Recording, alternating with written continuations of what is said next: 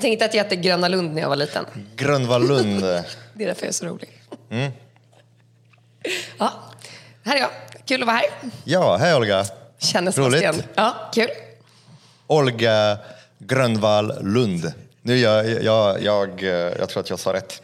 Välkommen Ja, till uh, Bryta bröd. Tack. Brödet är på plats. Mm. Det gäller bara att prata om, uh, om vårt matsystem.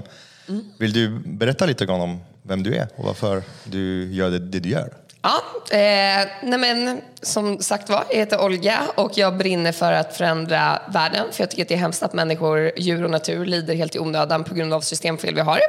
Och då är det mest effektiva sättet att göra det genom att jobba med matsystemet. För det är gott och roligt eh, och jag tror på att man ska ha ett gott och roligt liv om man bara lever en gång. Eh, så därför, ja, jobbar jag med att eh, förändra matsystemet på olika sätt. Och jag driver en organisation som heter Reformaten, Reformera maten. Och vi arbetar med ja, olika aktiviteter inom att förändra matsystemet. Men allting forskningsbaserat. Alltså, jag, jag måste erkänna att jag, jag kände ändå ganska ett bra tag och eh, jag var där ganska tidigt i, när du började med reformaten. Och min, min första tanke det var att eh, eh, här har vi en ideali- idealist till, en drömmare, en galning som tror att eh, man kan förändra världen bara så här. Men eh, jag måste säga att jag har varit väldigt imponerad över eh, vad du har åstadkommit och hur du har kunnat mobilisera alltså så många olika krafter runt omkring. Jag tror vi kommer prata lite mer om det. Det är, det är så häftigt för reformaten nu finns lite överallt eh, som en bläckfisk med olika armar som går och, och dra i, i saker. Och, eh, eh, det är jättekul att ha det här så att vi kan kanske fördjupa oss lite mer så att folk där ute kan förstå lite bättre vad är det för, för fiende vi har här. För det finns ju väs- visst en fiende. Ja, det gör det verkligen. Ja. Och du har ju varit jättehjälpsam hela vägen såklart. Du, du är en stor del av Reformaten. Jag, är, alltså jag känner eh, i min maktlöshet ibland, då behöver jag faktiskt eh, eh, ja, men få lite känsla att nej, men faktiskt, man är inte helt värdelös. Nej. Att, eh, det är faktiskt någonting som man kan göra. Eh, det är lätt som bagare att hamna i den här lilla, lilla hamsterhjulen när man bakar bröd. Alltså jag, jag har haft bageri i stort sett halva mitt liv och gått upp på morgonen och blandat degar och grädda bröd och bemöta folk och försöka följa vad folk vill ha och göra saker som folk vill ha det. Samtidigt känt ett djupt oro och osynk med vad folk vill ha och vad folk borde vilja ha för att världen ser ut som den gör. Och, eh, och det är lite det som känns bra nu, att kunna få vara här och ta sig bort från eh, ett bageri. Samtidigt som vi är ett bageri. Det känns, det känns ändå ganska bra. Du kommer aldrig bort från bageriet Sebastian. Nej, men det är, är min trygga plats. Jag har en, en varm stenugn bakom mig här. I ryggen, den backar Ja, den backar mig. För med ugnen, det är ju tryggheten, det är värme, det är den här stora bist som väntar på mig på morgonen, varmt och angiven och som kommer förvandla råa degar till krispiga, mörka, saftiga, goda bröd eh, som ger folk näring och lycka. Och samtidigt som, som vi kommer prata lite mer om just den här brygga, att det finns faktiskt eh, produktion, mat måste produceras och den kommer från jorden och det finns bonde, det finns ett jordbruk. Och de, tänk på om jag som bagare känner mig i ofas med det som behövs egentligen göras. Tänk hur det för våra jordbrukare som sitter ett steg längre bort från maten samtidigt som de är mitt i, mitt i prick i den. Så att eh, eh, jag tycker att om vi kunde börja prata, för det, det som har varit med reformaten, alltså var kom, varför började du reformaten överhuvudtaget? Eh, jag har hört den, den, den berättelsen många gånger, men jag tänkte att kanske lyssnarna vill också höra varför. Vad, vad fick du dig att lämna Berlin och eventlivet och lite flashigt och göra grejer så, och plötsligt börja, börja, börja brinna för bra mat? Ja, och tycker att det är kul att läsa regeringsuppdrag. Alltså, om jag hade pratat med mig själv för många år sedan, alltså, då hade jag tyckt att jag var värsta tönten idag kan jag säga. Men nu är jag ju väldigt glad för det. Eh, nej, men jag tror att det har att göra med att jag har sett problematiken med matsystemet från så många olika perspektiv. Och när du ser det och förstår hur fakt det är och förstår att man faktiskt kan göra någonting åt det eh, så måste man göra någonting åt det. Jag är, jag är Eh, man, inte naiv, men jag, är, jag tror att allting är möjligt. Så sa min mormor till mig, hon bara, Olga, allting är möjligt, det tar bara olika lång tid. Och, Godtrogen? Ja, jag vet inte riktigt ja. vad det är, men jag tror att man måste vara lite, eh, tro att allting är möjligt om man ska få någonting att hända liksom. Men jag kommer ju från en bakgrund eh, där jag har jobbat mycket med event och eh, på ett skämt startade jag och Kegan, min bästa vän, en Facebookgrupp som heter Mackish som blev en, en Facebookgrupp för Mackälskare och där jobbar vi ju med event och eh, catering i olika sammanhang och vi har ju rest runt jorden mycket och gjort olika saker.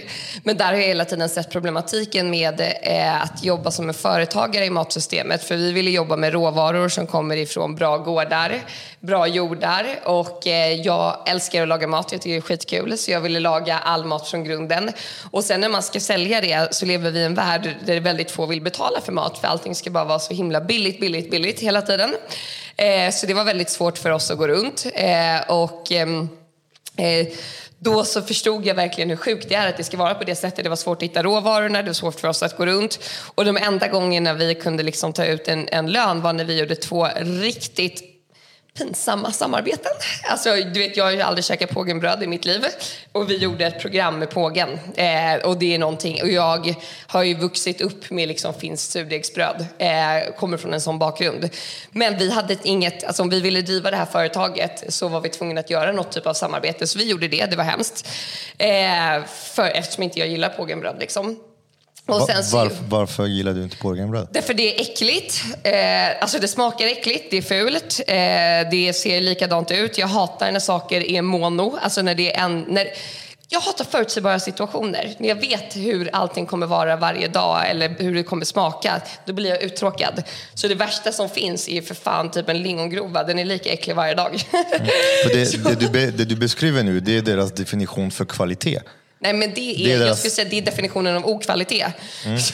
ja, alltså jag, jag håller med där, men det är, det är det som är häftigt. Det är att för pågen att göra förutsägbar, alltid likadant och jämnt och så. Det är deras definition av kvalitet.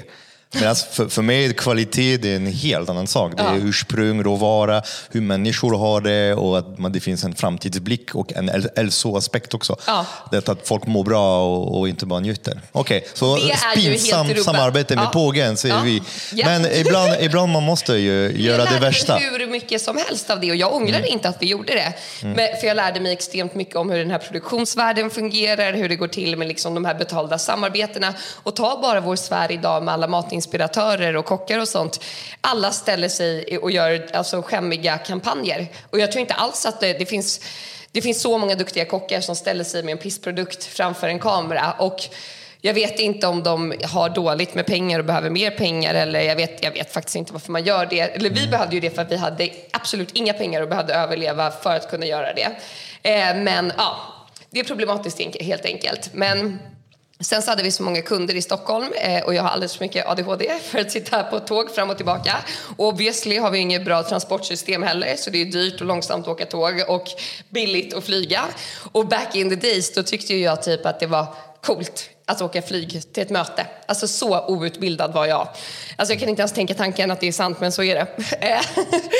så eh, då så valde jag att flytta tillbaka till Stockholm 2019 eh, för jag verkligen började sätta mig in i de här hållbarhetsfrågorna och insåg att så här, det vi gör eh, kollar folk på och gör likadant. Och med makt då kommer ansvar och när man får det då måste du liksom förvalta bra budskap och göra på sätt som inspirerar till bra handlande för människor, djur och natur och så vidare. Men så kom jag tillbaka till Stockholm eh, och eh, så insjuknade min pappa en svår cancer. Och jag har ju levt i en tro att man har system för att skydda invånare och individer så att de ska leva ett gott liv som är, ja, att det ska vara enkelt att leva rätt. Men det var då när jag spenderade en månad på det här sjukhuset och insåg att våra skattepengar går till att köpa mat som förstör planeten och människans hälsa. Eh, och man använder inte måltiden som en trevlig grej i vården, att patienter äter tillsammans eller, eller så.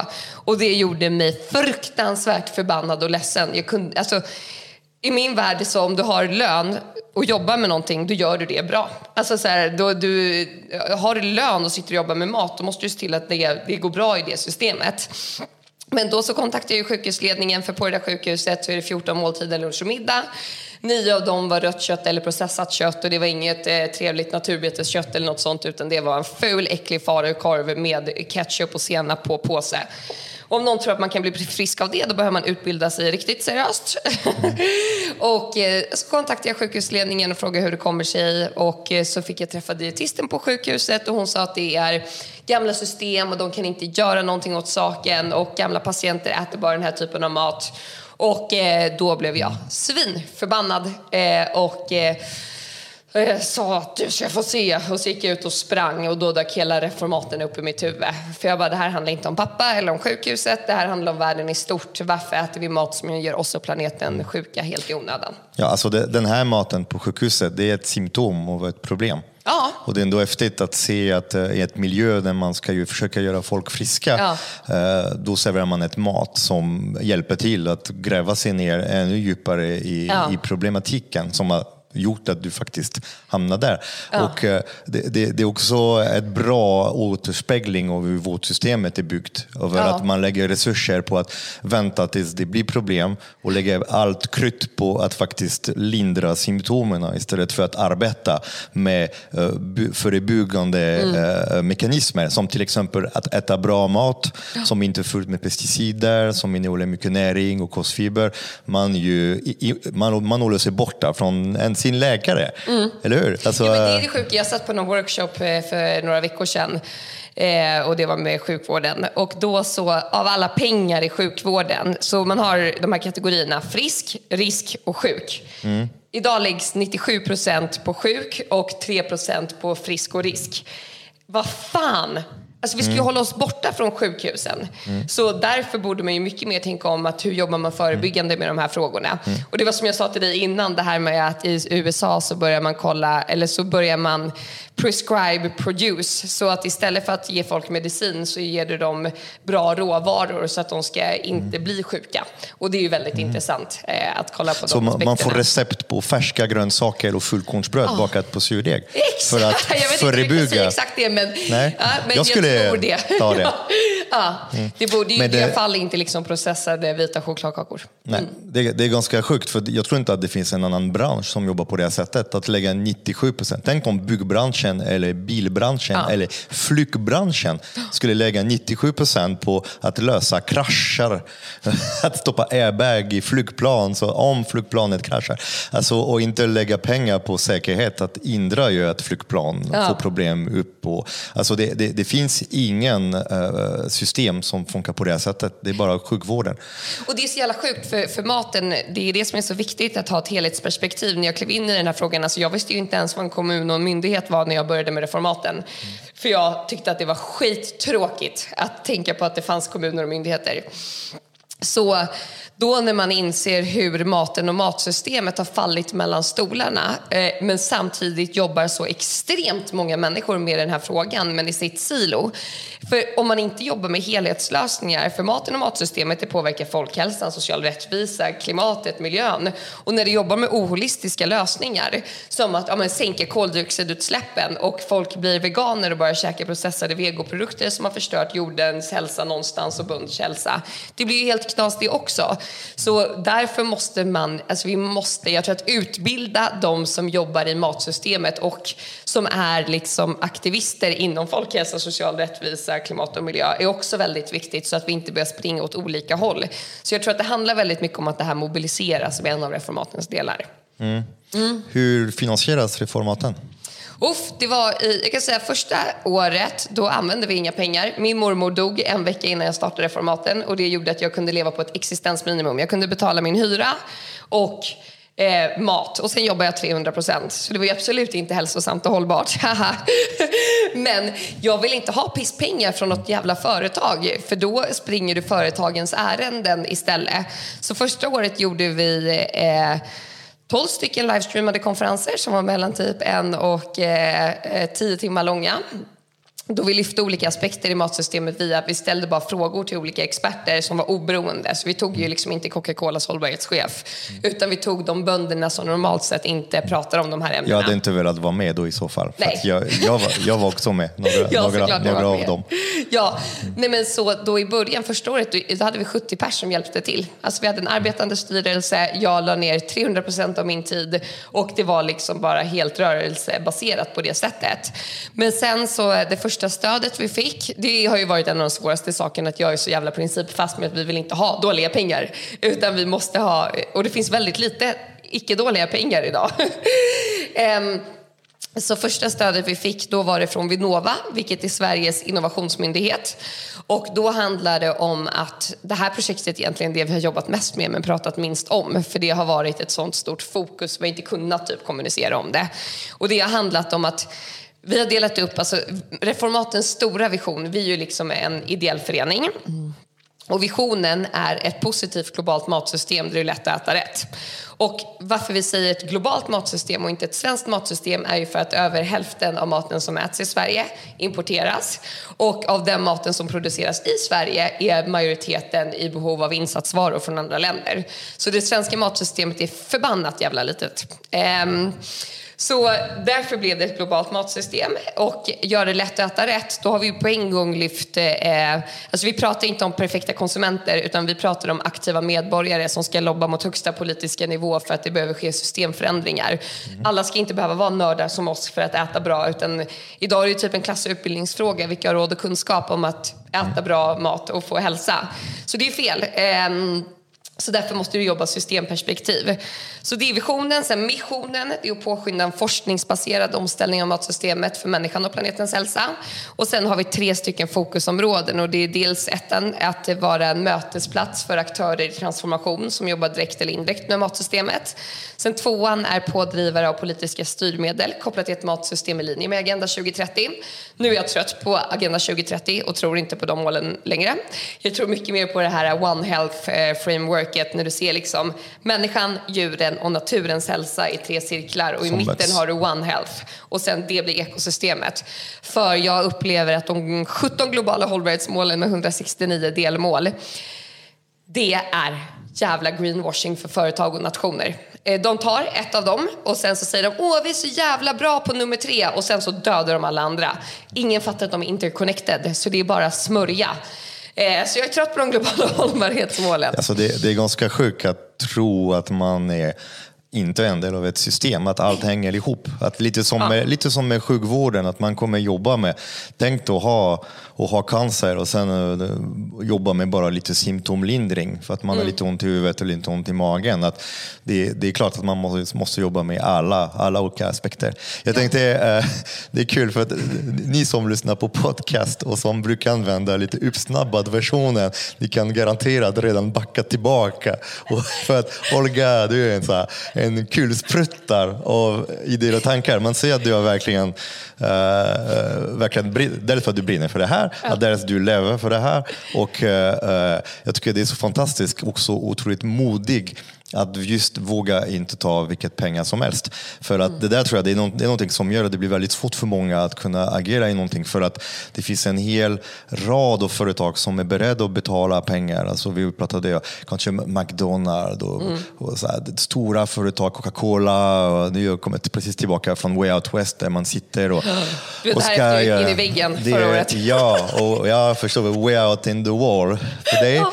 Men, eh, och det, är för det här är verkligen allt i ett nötskal. Att man ska göra bra saker med smutsiga pengar. Att Mm. man ska göra bra, bra grejer. Du ska driva din, din, din organisation och använda pengar från, från Axfood eller Mm. från Pågen eller från Unilever. Och att göra bra saker med dåliga smutsiga pengar. Det är, också, det är också det som tar oss hit. Det är därför jag kände att jag ville ju starta den här podden. För att kunna skapa en plats där man kan faktiskt prata om eh, elefanten i rummen och prata med klarspråk. Där det finns ingen, ja, men det är ingen så här, eh, greenwashing. Eh, För det här greenwashing det gör att det, blir suddigt. Man vet inte Ja. riktigt vad, vad det är vad och hur och man tror. Och som du pratade innan om förflyttningen, att man, man slutar göra någonting, man slutar äta kött så mycket Mm. och sen man börjar äta något annat så att man flyttar lite problematiken. Det löser ingenting. Så att, Nej. eh, bra. Eh, finansiering, Vinnova. Sen efter Vinnova, Precis. ja, det blev Nej, lite vänta, mer. vänta. Jag kom in här. Så tvåan var det här med eh, eh, politiska styrmedel. Mhm. Eh, och sen trean, det är att vara en folkrörelse för ökat engagemang och kunskap. Mhm. För det kommer jag ihåg när jag började reformaten. Alltså jag trodde typ att det fanns en stor ideell organisation och det var Naturskyddsföreningen. Eller två, WWF också. Jag visste inte att den ideella sektorn var så förbannat stor.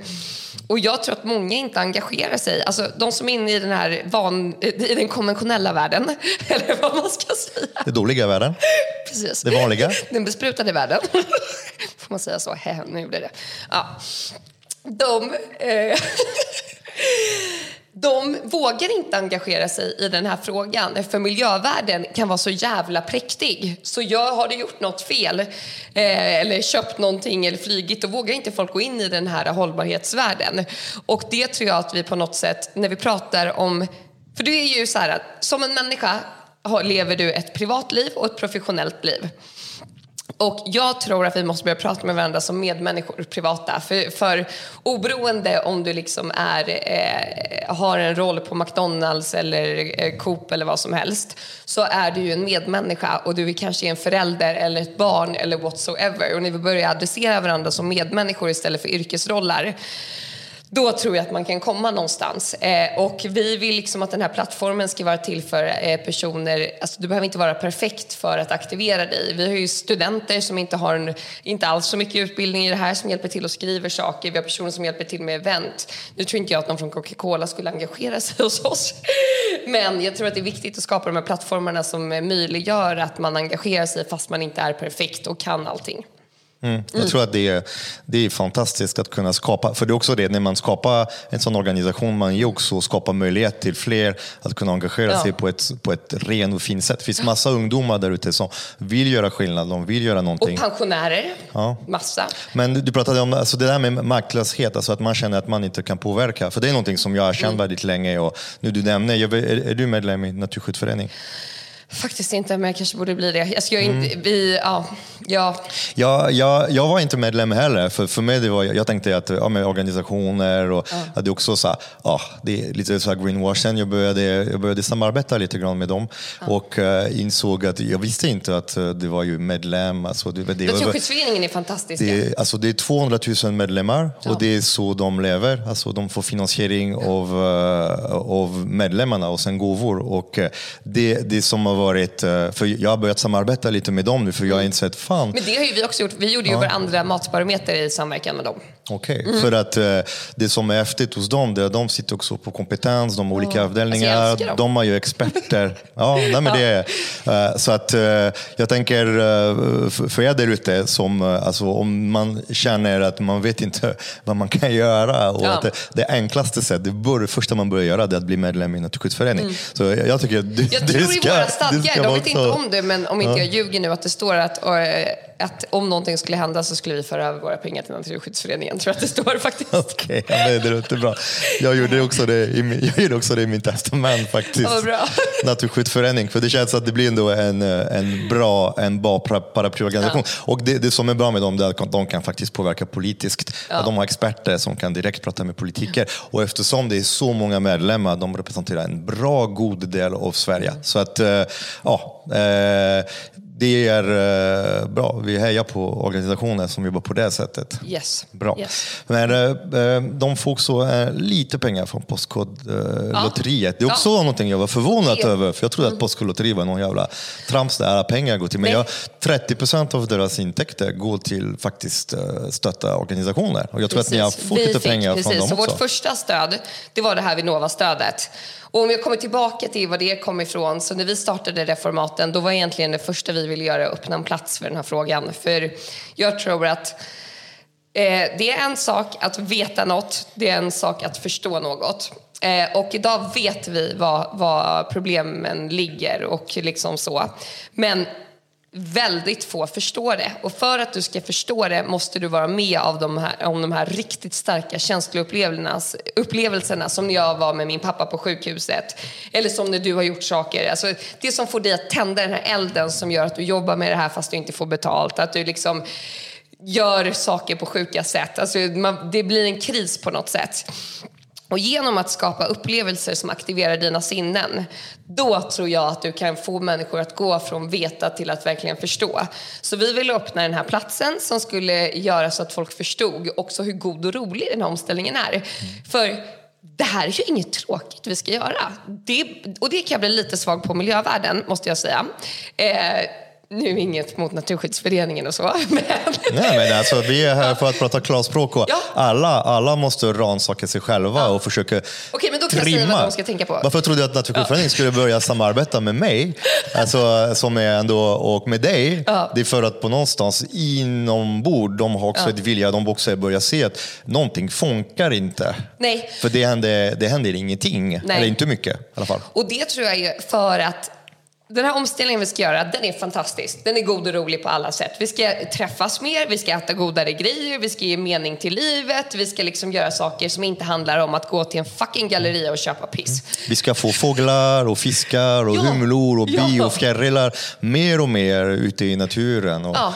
Men framförallt också träffa varandra och göra trevliga saker som främjar hälsa för andra. Så, men det som miljö och klimatvärlden har, har, har alla roller behövs vill jag bara säga, så det är helt fantastiskt det de gör. Men när man sätter ett en isbjörn på ett isflak som blir mindre och mindre, det är ju svårrelaterat och mm. också väldigt negativt. Om vi skulle snarare labla om den här omställningen och säga kolla vad attraktivt, du behöver inte äta lingongrova, vi kan äta det här brödet istället. Då, om du har några smaklökar, så kommer du vilja vara med. Jag blir gråtfärdig när du säger så. Oh, det är det jag har tjatat. Alltså, ja. Det är roligare på den sidan. Kom hit med oss ja. där det är roligt. Gräset är grönare på andra sidan, jag lovar. Den är godare på, på våran sida. Ja, Kom ja, ja, till oss.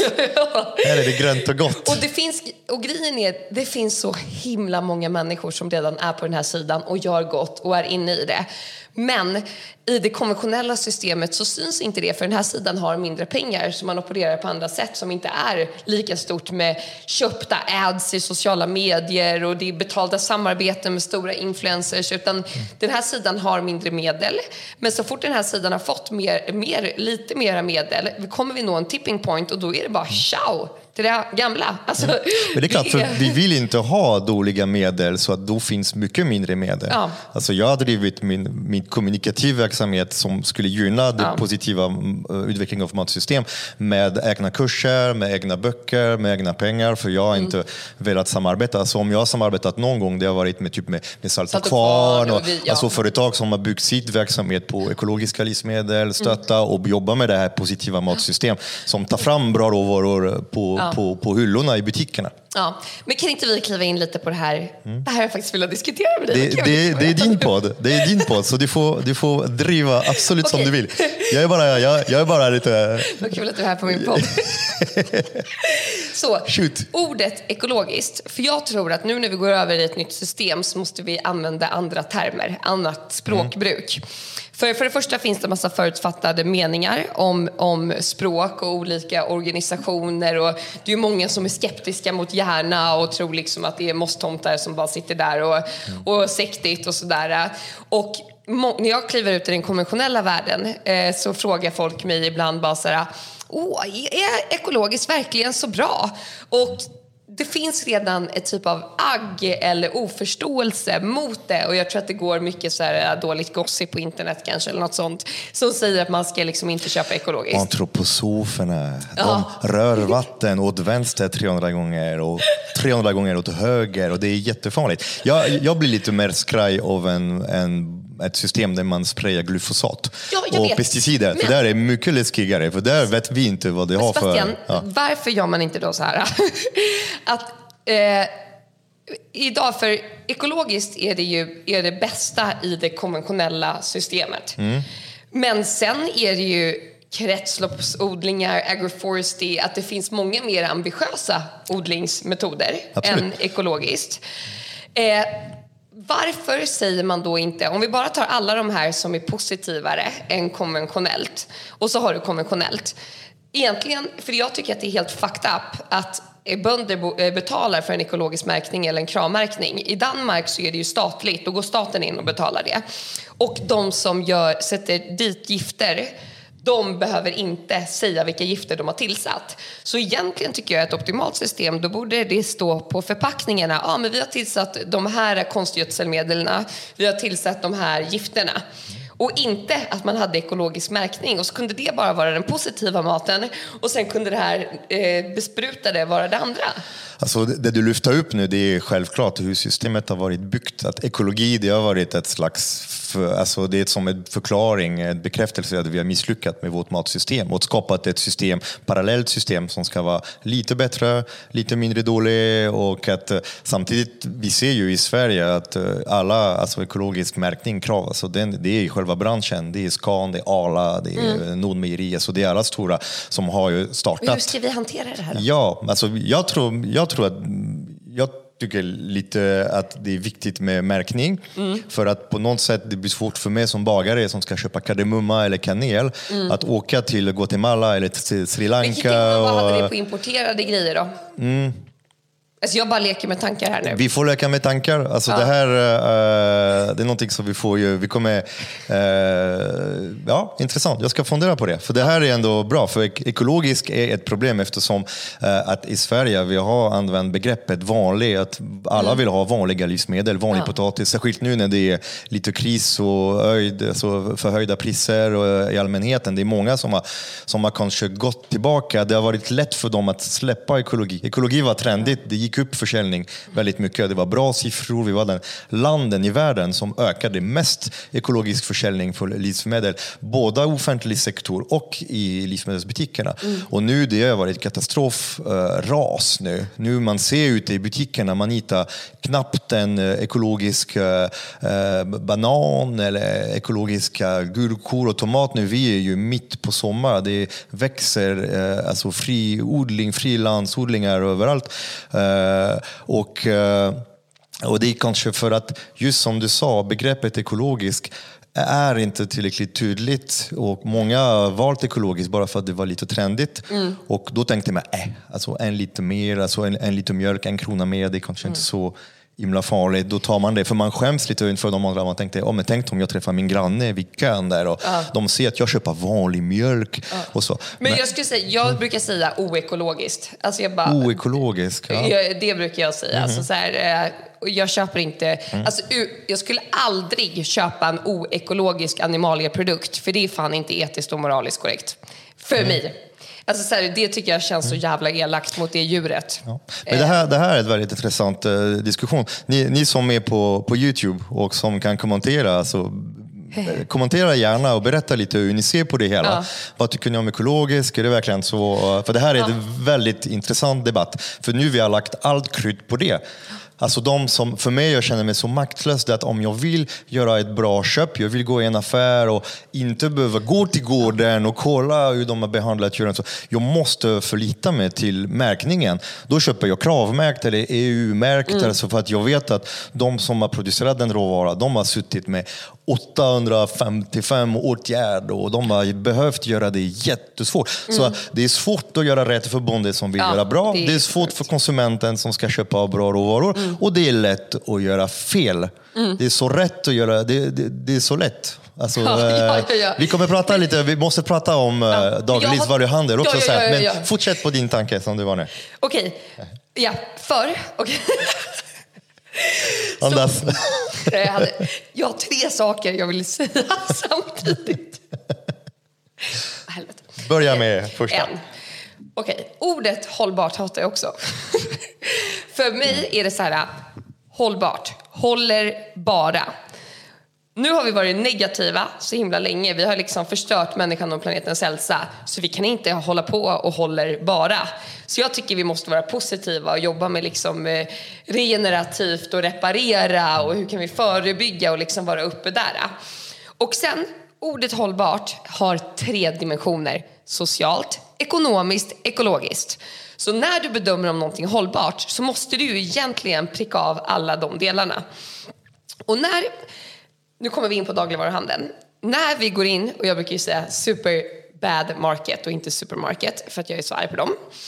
Eh, och så fort de börjar göra marknadsföring för hållbara och hälsosamma eh, produkter och råvaror och ger bonden skäligt betalt, då kan jag säga supermarket. Men fram tills det har jag inte, kommer jag inte göra det.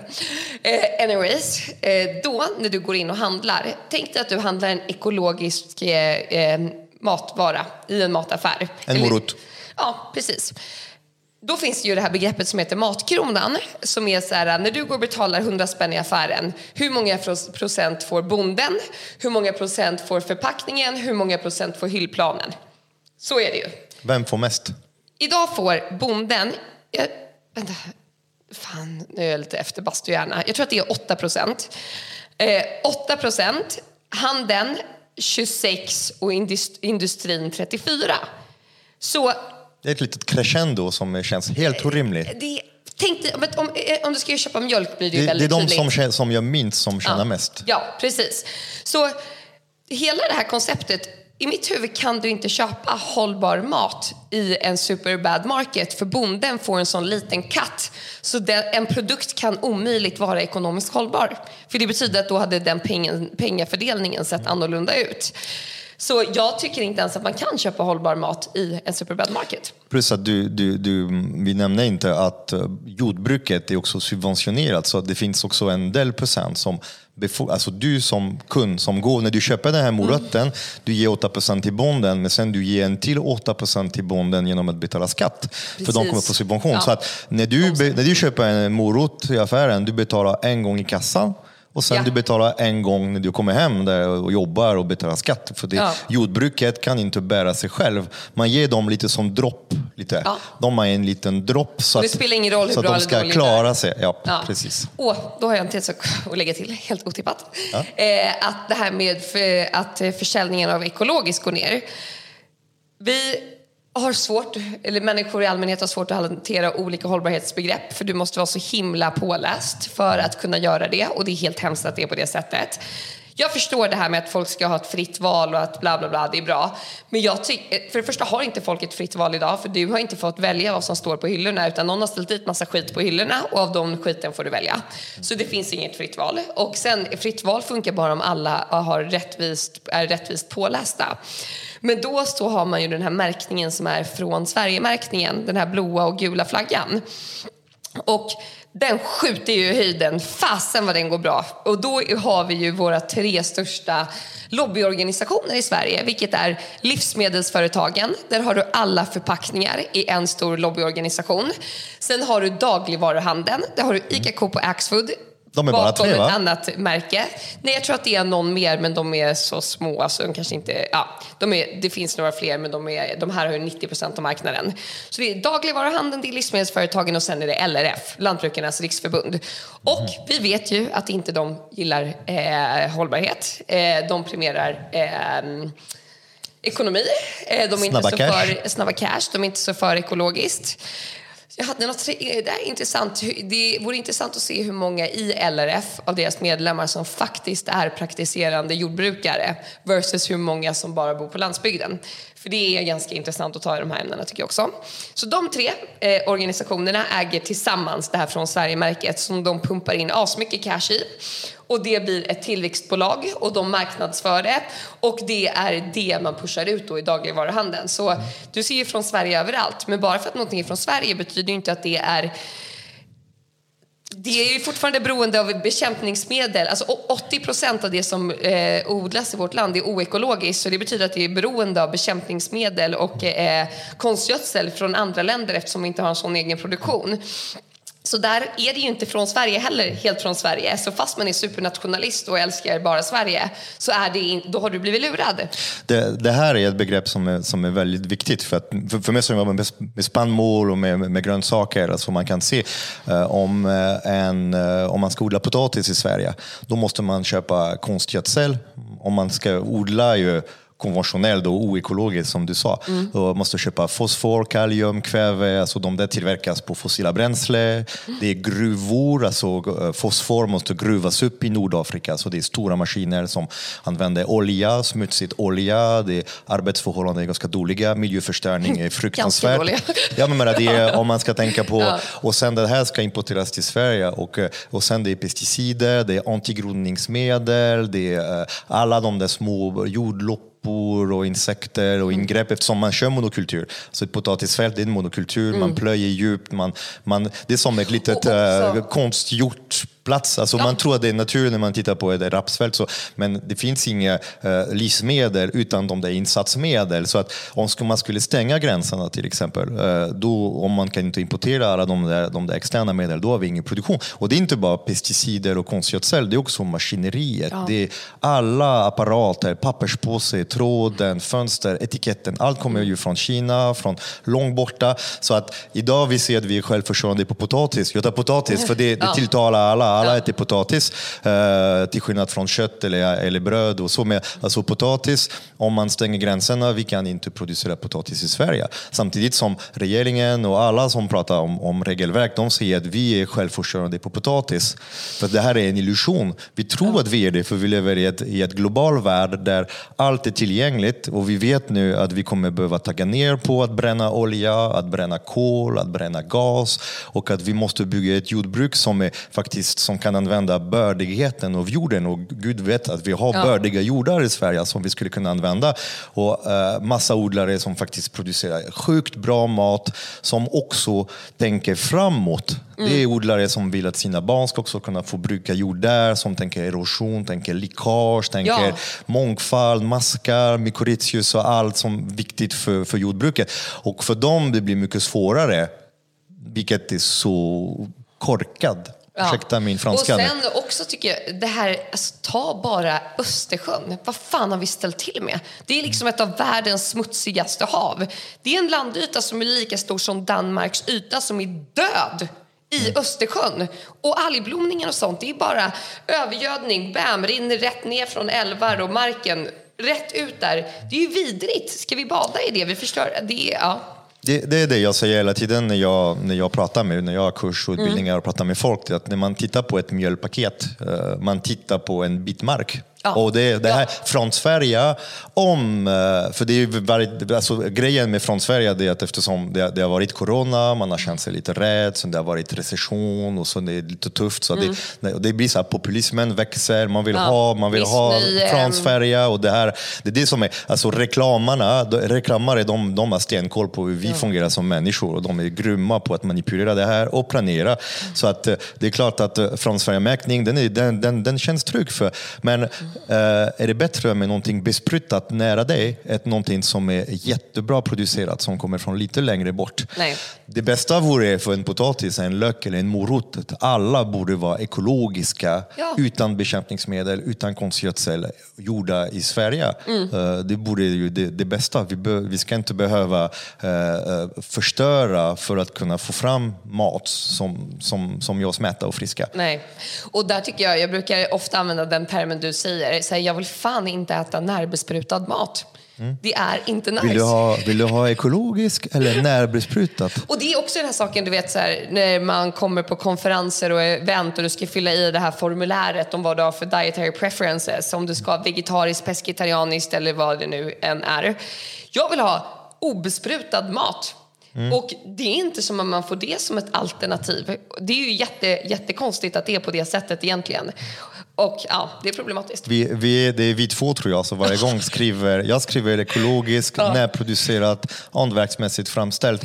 Eh, annars, eh, meddela mig, då kan ja. jag ta med en matlåda med mig. Mm. För jag vill inte bara besvära heller. Alltså, om ni kan fixa, jättebra. Men, eh, för det där är någonting som är väldigt viktigt för att man känner sig mm. besvärligt när man vill ha bra mat. Ja. Eh, när man är vegetarian nu, det har blivit ganska, ganska chill.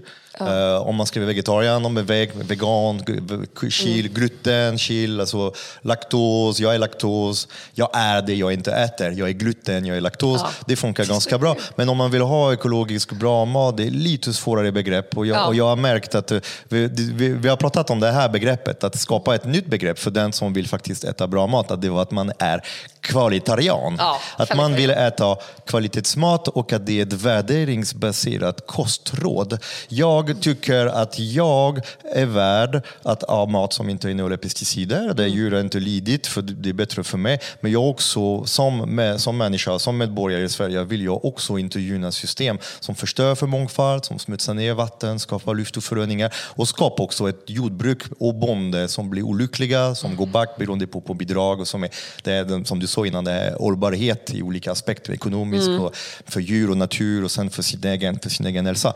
Och att eh, genom att se att man är kvalitarian plötsligt kan man inte bli klankad på. För du klankar inte en vegetarian. Och, hur många kockar har kommit till mig med en maträtt och, så, och jag har frågat så, vad, vad är för kött och de har bara, vad det är det här, ja, men då vill jag inte äta. Och de har varit så åh, Kom igen, måste du vara så jävla, jävla dryg? Så jag är inte dryg. Jag vill inte äta djur som har blivit slaktat med koldioxidbedövning i Scan, eh, slakteriet i, i Kristianstad. För mig det känns bedrövligt att vi tillåter det, att vi stoppar grisar i ett schack och gasar dem med koldioxid så de lider. Det frätter i deras lungor, de lider, de skriker. Och den typen av kött för mig känns helt orimligt att jag ska, att jag ska äta det. Det är så sjukt att vi fortfarande gör så här bara för att det är billigt. Det är inte för att det är bra, det är för att det är superbilligt. Det är billigaste sättet att, att, bedöva grisar. Eh, och, och då kan jag, att jag vill inte bli klankad. Och jag har tänkt om jag var vegetarian och du kommer med en grismacka här, eller om jag var muslim och du kommer med en grismacka och jag säger ah, men jag är muslim eller eh, jag är vegetarian. Åh, måste du vara så jävla dryg? Jag är inte dryg, jag bryr mig om både natur, min Ja. hälsa och Och här tror jag bara så här att det är väldigt viktigt för vi, säger, vi är ju inte kvalitarianer för vi är snobbiga människor som tycker att vi är bättre än andra utan vi är det för vi vill ta ansvar över våra handlingar. Och alla har en rättighet att vara kvalitarian. Jag tycker att alla har rätt till hälsa och näring. Så det är inte att, att det är liksom något så här snobbigt, så här, oh, vi vill vara bättre än andra och inte äta det där. Och, och så här, oh, det är inte så att eh, det här är mer från ett systemperspektiv. Att alla har rätten till näring och genom att vi ifrå- eh, ifrågasätter och eh, ber om det så ökar det efterfrågan. Det bästa med kvalitarian att det passar alla. Vegetarianer, Ja. pescatarianer, flexitarianer, Ja. eh, vad jag vet etarianer. Alltså, Ja. det, det är fantastiskt. Alla kan vara kvalitarianer. Vi kan göra idag ett upprop att alla där ute, Ja. var kvalitarian! Underbart. Ja, det är sjukt Bra. viktigt. Ehm, kan vi prata lite politik nu? För vi har, vi har varit inne lite på det innan. Alltså, Vi har oligopol, vi har matsystem, maktlöshet och man känner så. Och eh, vi har de som faktiskt kan, kan påverka oss som mest. För man lägger väldigt mycket ansvar på individen nu idag.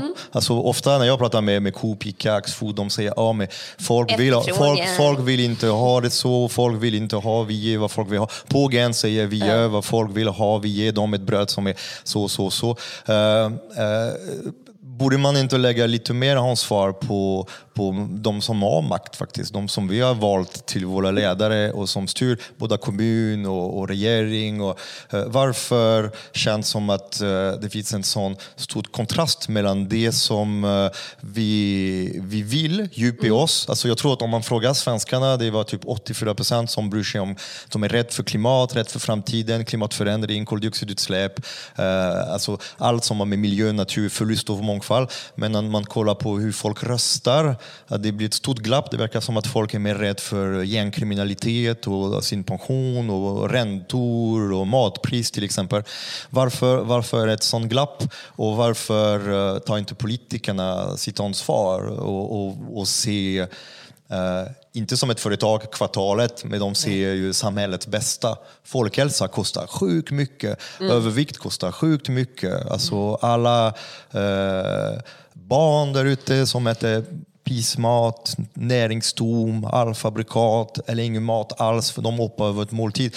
Alltså jag hade mitt lilla bageri på Söder. Alltså varje morgon jag såg sådana 15-åringar, 17-åringar gå ner till Coop, eh, för det var Coop där under. Mm. Det, det, är inte för att klanka ner på just Coop, det var ett Ica, hade jag sagt Ica. Men det, eh, som går ner där och som kom upp där med en Red Bull och ett paket gifflar eller en Nocco mm. och en kexchoklad och började sin dag med den här jävla högsocker, högprocessat, tom på näring mat och har spenderat 40 spänn, 45 spänn i någonting som är helt pissdåligt, som är gjort av marknadsföring och dåliga råvaror och fina, alltså, och, och, och, och fina förpackningar. Okej, jag har Makt, flera saker politik. Okej, okay. ja men uh, varsågod. Lycka till med den. Tack. Okej, så jag ska prata om matbarometern, jag ska prata om matmiljö, eh, om vi kan börja med det. Eh, vi har ju nu tre år på raken gjort, eller nu håller vi på med vår tredje, vi har gjort en matbarometer eh, då vi har kartlagt de olika eh, riksdagspartiernas intresse att införa forskningsbaserade styrmedel. Så då har vi tagit forskningsrapporter, gjort om dem till frågeställningar, gjort en enkät av dem, skickat till partierna. Partierna har sagt ja, nej och en kommentar på varför och varför inte. Det här har vi skickat ut till media vartenda år, inte fått någon uppmärksamhet kring det. Det är helt insane, för det här är väldigt bra material. Och nu håller vi på med den tredje eh, som handlar också om lite mer globalt perspektiv, vad Sverige tar för ansvar gentemot eh, eh, andra länder och maten mer som ett rättighetsperspektiv. Och det vi har sett är ju, eh, of course, att partier gör väldigt lite för den här frågan, vilket parti den är. Sen är det vänsterkanten gör eh, mera och högerkanten är mer fritt val, vilket man kan tänka sig. Eh, men vi är ju partipolitiskt och religiöst obundna, men vi vill granska politiken. Sen utifrån de erfarenheterna jag har fått av de här åren så tror inte jag på det politiska systemet. Eh, tyvärr. Eh, det är eh, pajkastning, eh, det är outbildat och det är kortsiktigt. Mm. Våra politiker de går till val på en fyraårs mandatperiod. De förändringarna vi måste göra, det är inte korta förändringar. Det här är långsiktiga förändringar. Eh, de är outbildade. Det måste de vara, för annars tror jag inte att man kan göra de eh, besluten man gör. Och det handlar mycket mer om att trycka ner de andra istället för att jobba på faktiska lösningar. Så när de har tid i rutan, då ställer man och säger sig vad alla andra gör dåligt istället för vad vi ska göra tillsammans som, som är bra. Så eh, politiken, också eh, just, just jordbrukspolitiken, den är så himla styrd av Europas politik. Och det var väldigt intressant när vi började formaten. Då så var det ju ett annat regerings, eh, annan, annan regering i Sverige. Och de hade i alla fall vissa ambitioner på hållbarhets, eh, eh hållbarhetsarbete och sånt. Eh, då trodde ju vi att Sverige kunde bli ännu bättre och vara en positiv kraft i Europa och Europa skulle kunna vara en positiv kraft i världen. Lite tvärtom. Så jag har ritat en, en karta. Var så här, det var Sverige, det var Europa, det var världen. Men nu är det ju reversed. Det är tvärtom. Ja, nu är det ju så här, det är, för oss det är mycket enklare att jobba på en europeisk nivå. Mm. För att där är man mer i linje med våra värderingar. De jobbar mycket mer långsiktigt nu faktiskt. Ja, och ja, de är ja, holistiska, ja, långsiktiga. Men samtidigt så om du kollar på Europa i stort och de jordbrukslobbyorganisationerna, det är ju bara helt jävla vidrigt. Alltså all, alla djur som åker in och ut från Europa och man pratar om att man ska tillåta ännu mer gifter i maten man importerar till Sverige. Alltså, det är också väldigt nasty från många håll och kanter. Men jag tror typ inte riktigt på sådana politiska system längre, tyvärr. Eh, det är väldigt tråkigt. Men eh, jag tror att man kan vara där och bråka lite med dem till det man orkar göra. Men men det går inte att göra så mycket för de lyssnar inte på forskarna, de vågar inte göra de, de besluten eh, och också de är extremt hijackade av ekonomiska intressen. Eh, du pratar om lobby nu eller? Lobby, ja. Alltså, mm. uff, uff, uff. Jag brukar säga att Sverige suger på det mesta, förutom en sak, lobbyism. Vi är fan bäst i världen på lobbyism. Alla tror att, att, att det är liksom typ myndigheter och eh, organisationer som ger ut information. Mm. Kolla på vår public affairs-sektor och de, de som jobbar. Du går, du har jobbat inom politiken på antingen eh, regional eller nationell nivå. Du hoppar över till ett PR-företag, sen hoppar du över och hjälper företag och lobbar för dina intressen. Du har kontakterna det är en jävla gröt det där och den är Mm. fan äcklig. Det är väldigt mycket konflikt of interest. Och, eh, jag vet att lä- läkare till exempel, de är bundna. Om de ska jobba med forskning och uttala sig, de måste ju deklarera vilka konflikt of interest de har. Alltså man borde Och det- göra likadant Och med det har man ju på livsmedel. Mm. Europanivå. Då har du ju såna här jävsregister eller lobbyregister. Men i Sverige har man inte det. För Sverige Mm. är så... Kolla bara på Göran Persson, vad fan har han gjort? Okej, nu ska jag inte och prata om honom för jag kan inte så mycket. Men liksom, det är Ja. inte bra. Det är Ni får, ni får ju granska det här, kolla vad Roland Ja, ja, ja. Persson gör. Det ska man alltid göra. Man ska alltid granska vem, vem som än säger vad som helst. Ska du alltid kolla på källan och kolla. Det tycker jag är superviktigt. Ja. Eh, men Och därmed... det finns lag som faktiskt fungerar. det. Ja. Jag tror att eh, nu för mig som är inte svensk, då så jag, inte, jag, får, jag får inte rösta. Så att, Nej. eh, för mig kanske det är därför det känns... Jag tror inte så mycket på politiska systemet för jag känner mig inte riktigt en del av det. Jag märker att jag kan påverka så mycket mer eh, samhället genom att bara vara, att jobba som privatperson och som, och som Du driver ju opinion. som, som, Och ja, men, utbildar, som eh, alltså, jag har ändå hundratusen följare på Ja. Instagram och jag kan ändå sprida och jag gör mycket kurser och jag får chansen. Men det här är en möjlighet som jag har som är väldigt, Mm. väldigt sällsynt. Alltså, om man är en, en eh, vanlig arbetare ute i landsbygden, man har kanske inte så mycket makt och då det endaste makt man har. Ofta man tror att det, att, det, att det här att, eh, ja, men precis. Ofta man tror att den enda makt man har det är röst och då håller man sig till rösträtten för det är så viktigt att ha kvar det. Men jag tror att man kan göra så mycket mer genom att använda sin planbok. Alltså man går till affären, att, att ta beslut. För det kan man rösta tre gånger om dagen. Så man, Mm. man kan rösta tio gånger om dagen. Varje gång man går i en affär och plippar med sitt kort. Man Då röstar du ju på en värld, antingen Ja. hållbar eller ohållbar. och då också förvandlar du ditt arbetstid. För det är därför varför alla är ute och jobbar. Det är för att tjäna pengar och sen de pengarna stoppar man i olika system. Och genom att gå till en affär och köpa bra livsmedel och stötta bra producenter, de som tar sitt ansvar, det, det, det långsiktiga, då investerar man i... Det är det där man skulle göra en ny märkning som är så här, fr- från Sverige och utan, besprit- Ja. utan Ja, bekämpningsmedel verkligen. och som riktigt långsiktigt från Sverige för länge framåt och så. Ja. För då kan man, eh, för nu är alla är så oroliga över sina pension. Alltså har du sett så i Frankrike vilket jävla kaos det blev nu för att man skulle få jobba två till och tänker att, alltså, och då blir det så här, nej det här är, vårt rätt. Folk tror det är en, en rättighet att ha pension och så. Jag tror att det är en rättighet att ta sitt ansvar som konsument. Och om man älskar sina barn, man är beredd att ge dem sin njure, jag skulle ge mitt blod, jag skulle fan i sista läge ge mitt hjärta till Ja. en av mina barn om de behövde det. Och vad gör att jag skulle inte hitta kraft att faktiskt ge dem bra mat varje dag och tänka framtiden? Vad, vad, vad tror du skapar den här eh, inte agera, inte engagera sig momentum som sker just nu? Alltså jag tror...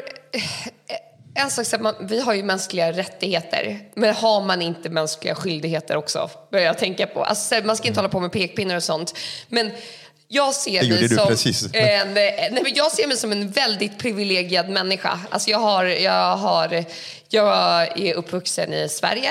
Eh, jag känner fantastiska människor. Fan, jag har inte mycket pengar, men, men jag är privilegierad. Och då ser jag det som mitt ansvar att jag ska använda mitt privilegium och hjälpa folk som inte är lika privilegierade. Det är liksom, jag brinner för det. Jag, eh, det är så bara. Och någonstans så skapar vi inte plattformar för folk att hjälpa till. Alltså, eller hjälpa till, nu håller vi ju på med det, men, men platser i samhället. Om vi kollar på hur en stad är designad, då kommer vi in på det här med matmiljö också. Bra. Eh, Får inte glömma matmiljö, det är viktigt. Nej. Nej, men om du kollar på hur en stad är designad, då finns det ju inte många platser för positivt varande och aktiviteter.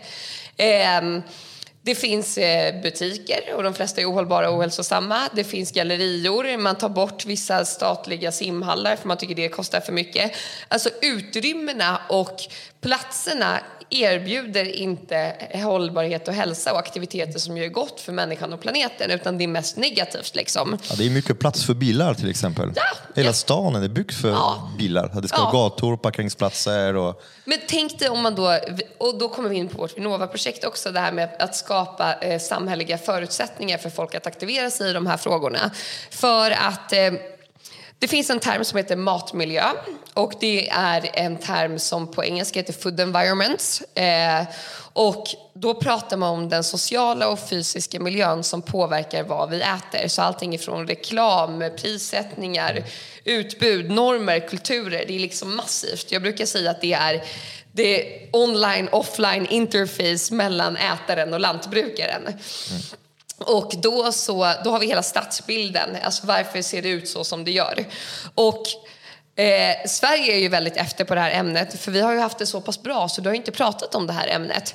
Eh, vi håller på nu med ett, eh, en ansökan för ett Horizon-projekt, alltså pengar på en europeisk nivå. Och eh, då är det att eh, då vill vi, då är det ett high, middle och low income country. Så då är det Sweden, South Africa och Ghana. Så då är det, Sverige, eh, då är det reformaten tillsammans med Uppsala universitet. Och det vi vill forska på är hur olika interventioner, säger man på det där språket, men olika aktiviteter eller platser kan påverka eh, kan förebygga livsstilsrelaterade sjukdomar och hur olika platser kan verka som noder för lokala eh, alltså för systemtransformationer i områden. Och då har vi sökt för vårt projekt det här med stadsdelskök som vi vill att ska bli en ny infrastruktur mellan ätaren och lantbrukaren, så som sociala produktionsplatser. För idag får du ju tag på din mat i Superbad Markets, eh, restauranger. Det finns väldigt få hållbara restauranger. Och vi ser det lite som att i framtiden ska städer, så som man har ett bibliotek, ska det ha stadsdelskök. Så attraktiva matlagningsplatser där man tillsammans äter, lär, skapar och bjuder in till hälsa och meningsfullhet, minskar ensamheten i samhället. Och då vill vi att det ska vara som noder som förändrar matmiljön så vi kan lobba på olika Eh, för förbättringar. Liksom. Men då är det så intressant det här termen matmiljö. Då i South Africa och Ghana har man jobbat med det för där har du food insecurity och folk har inte tillräckligt med mat och tillräckligt med näring. Vårt problem här, vår food waste går ju i form av övervikt. Vi äter så mycket mat så vi blir feta. Eh, 52 procent av vår befolkning är överviktiga. Det kostar samhället 70 miljarder per år från ett barnrättsperspektiv är det här extremt intressant för de senaste 30 åren har andelen barn med fetma eh, fördubblats. Andelen barn med obesitas femdubblats. Vi är på väg in i en helvetes fetmapandemin och det är inte okej okay mot barnen att utsätta dem för den här ohälsosamma matmiljön. Men då premierar man eh, eh in, alltså, företagens intresse och formar en stadsbild som gynnar företagens försäljning istället för barnen och, och invånarnas hälsa. Och det är fan en stad och ett land utan ryggrad och jag blir så förbannad när jag pratar om det. Mm. Jag såg det när vi var, när vi var ute på uh, det här värmeverket. Vi gjorde mm. en liten, liten uh, event ja. där och att man frågar så här, ungdomar mellan så här, 12, 17, 18 att uh, fota den maten de äter och, och, och sen man gör en liten utställning på det. Och det blir ganska tydligt för man ser och sen man kollar lite för vad, vad de stora dagligvaruhandel gör reklam för. Mm. Och då man ser att det matchar ganska bra. Det här med miljö, alltså, man, alltså, vi, vi har också låtit ske det här att det är företagandet som primeras, det är kvartal, alltså ICA, Coop, alltså mm. alltså de ska generera vinster. De försöker sälja produkter, råvaror, produkter som, som de får bäst marginal på, så de kan tjäna pengar. Eh, och då gör de reklam för dem då såklart, lyfter mm. upp dem och det är de som de gör reklam för som, är, som ett mest av ungdomarna. Ja. Så man ser att det finns en direkt påverkan över vad dagligvaruhandel lägger krut på, vad, vad de vill marknadsföra, hur de placerar i butiken, hur de gör rabatter, köp två, betala för en eller köp, mm. betala för två, få tre och mer i förpackning och så vidare. Och att hur det påverkar, för det, det funkar verkligen. Det blir ja, direkt, direkt hur effekt. bra som helst. Så, eh, jag vet intressant för att det, det, det, finns ett stad i Frankrike som heter, som heter Grenoble där de, de har förbjudit all typ av reklam utåt, mm. synligt ute. Och eh, det har gjort att det har påverkat företagsvärlden. De har behövt hitta nya sätt för att marknadsföra sig själva. Eh, och, eh, vad skulle hända om man förbjöd till exempel reklam, precis som med cigaretter till exempel. Mm. För jag, jag, jag, träffade en supercool reklamare eh, för, för, för, några veckor sedan som, ja. som berättade alltså, det är så jävla gött att man inte behöver vara kreativ och använda sitt arbetstid, vara borta från sin familj, jobba hårt som reklamare för att göra reklam för cigaretter. För att hjälpa ett skitföretag som skapar massa sjukdomar mm. att se bra ut för världen. eh, Att det är ganska skönt att plötsligt man kan vara reklamare och då slipper man det här att få en jävla cigarettmärke, en Marlboro-företag på sitt bord och man ska behöva vara kreativ och använda Ja. sin kreativitet för det. Så jag tror att det är också en avlastning om man skulle ju sluta, för alla jag träffar, som, du vet, de, de vet att jag är så Mm. Ja. rationellt och konsekvent och så att jag vill inte göra någonting med, med, med Arla, med Mm. Nordmejeri, med, med Axfood och så vidare. För att jag vill inte göra saker med de stora företag som faktiskt tänker bara pengar och, och, och skiter i folket. Eh, De, vill bara, de gör bra saker när det ser bra ut, och när det gynnar dem, inte för att de, de vill det. Eh, Och eh, de, de, de träffar mig, de också pratar, ja, ja, jag är fotograf, jag måste göra lite jobb för alla, för man måste ju leva. Så de skäms och jag tror att de skulle må så mycket bättre om de slapp det. Ja, skulle man inte bara kunna förbjuda att göra reklam för Ja, Coca-Cola och- ja. och så. Så att tänk en way out west som inte kan använda Coca-Cola, som inte kan använda McDonalds, som inte kan Vi får använda göra vår egna festival, Sebastian. där, är, där är en dröm. Men varför, du tror inte att vi, kan, att vi kan rädda det vi har och få ett förändring där och uppmuntra? Alltså, någonting vi är bra i Sverige, det är kreativitet, det är systemer, det är... Men, och här tror jag här, vi behöver inte vara så kreativa. Kolla på vad man gör i andra länder. Sverige är otroligt efter i många grejer. Vi är bra på vissa grejer, men inte allt. I Italien, Det betyder att det är du som säger det, inte jag då. Okej, jag är inte svensk, så det vore ju, det vore ju otacksam. Otacksam fransk jävel som kommer till Sverige och... eh, och det var inte bra. Men i alla fall, så här, i, det finns eh, eh, någon region i Italien där har borgmästaren gått ut och förbjudit bekämpningsmedel i sin region för att den inte vill att markerna ska förstöras för långvarigheten, alltså för långsiktigheten. Sen så eh, tar du Brasilien. Det finns ju hur många länder som helst som håller på med sockerskatt. Och då är det bevisat att man ska köra en kombination med olika styrmedel, så sockerskatt, eh, labels och så vidare. Eh, det finns olika biodistrict i olika länder. Det är liksom många som... Så det finns redan lösningar? Lösningar som, finns, eh, det är bara att ta hit dem och göra dem med rätta medel och rätta personer. Så, och sen i vårt land har vi också de flesta lösningarna men de måste bindas ihop till en starkare, alltså man måste koordinera ihop det arbetet till en starkare röst. För det funkar inte att alla sitter på olika platser eftersom de marknadskrafterna är så stora och starka. Så jag tror att det handlar om att vi måste bara få hit de här lösningarna som funkar i andra länder. Eh, Men hur, ja. gör, gör vi för att... För nu jag ser till exempel eh, McDonalds som sponsrar skidlandslaget till exempel. Ja. Och då blir en, en alltså McDonalds en ganska... Alltså, om man tänker, det är ett världsföretag. Ja. Så om man tänker Argentina, India, Brasilien, det är transfett, eh, det är Ja. djur som har i pissdålig, det är halvfabrikat, det, det sprider ju övervikt, diabetes, psykisk ohälsa, alltså kopplat till det. Eh, hur, hur kan man... Och, och sen McDonalds kommer skapa en foundation och skapa ett litet hem där och sen skänka 500 000 kronor till Barncancerfonden och tvätta sin dålig samvete, stoppa lite bikupor på taket och plötsligt kan de prata vi gynnar biologisk mångfald och vi pollinatörer och sen vi hjälper barn med cancer. Och sen när jag zoomar ut lite grann, alltså jag varit pissförbannad en gång när jag skickade min, min son Hugo på, på så här, träningscamp i, i Norrköping. Och det första han fick när han kom in där, det var att få en armband, McDonalds armband. Alltså, jag klippte skiten och tog min unge med mig. Jag säger aldrig i livet. Så eventet, det skulle bli idrott, det skulle bli gemenskap, det skulle bli fina värderingar. Och plötsligt kan McDonalds och uh, kexchoklad och Cloetta och O'boy och så, de köper in sig i de där event och barnen kommer under sex dagar äta McDonalds, få en fin bild av den företaget, äta kexchoklad mellan passerna för att få energi upp, för att de måste få lite blodsocker upp och så. Eh, och, och kommer ju eh, gynna sina företag eh, för att sälja ju dåliga livsmedel. Och så. Alltså, hur, kan man, eh, hur kan man ju ändra på det? För det känns som att det är accepterat. När jag pratar om det, det låter lite rimligt att det borde inte gå. Samtidigt, alla går. Hur många föräldrar där ute har ju klippt armbandet och åkt därifrån efter att, och krävt pengarna tillbaka. För att jag vill inte koppla eh, Elsa, idrott, välbefinnande, gemenskap med, med pesticider, konstgödsel, kakao, choklad. Alltså vad tror ni finns för choklad Ja. i O'boy? Vad Nej. finns för choklad i, i, i, i, i kexchoklad? Eh, vi kommer faktiskt ha en avsnitt som kommer fokusera på choklad. För där är, jag är konditor, jag har jobbat med choklad hela mitt liv och, och jag har varit väldigt intresserad för jag vill inte göra fina grejer med, med, med dålig producerad choklad. Så att, men hur, hur kan man få den kulturen att förändra?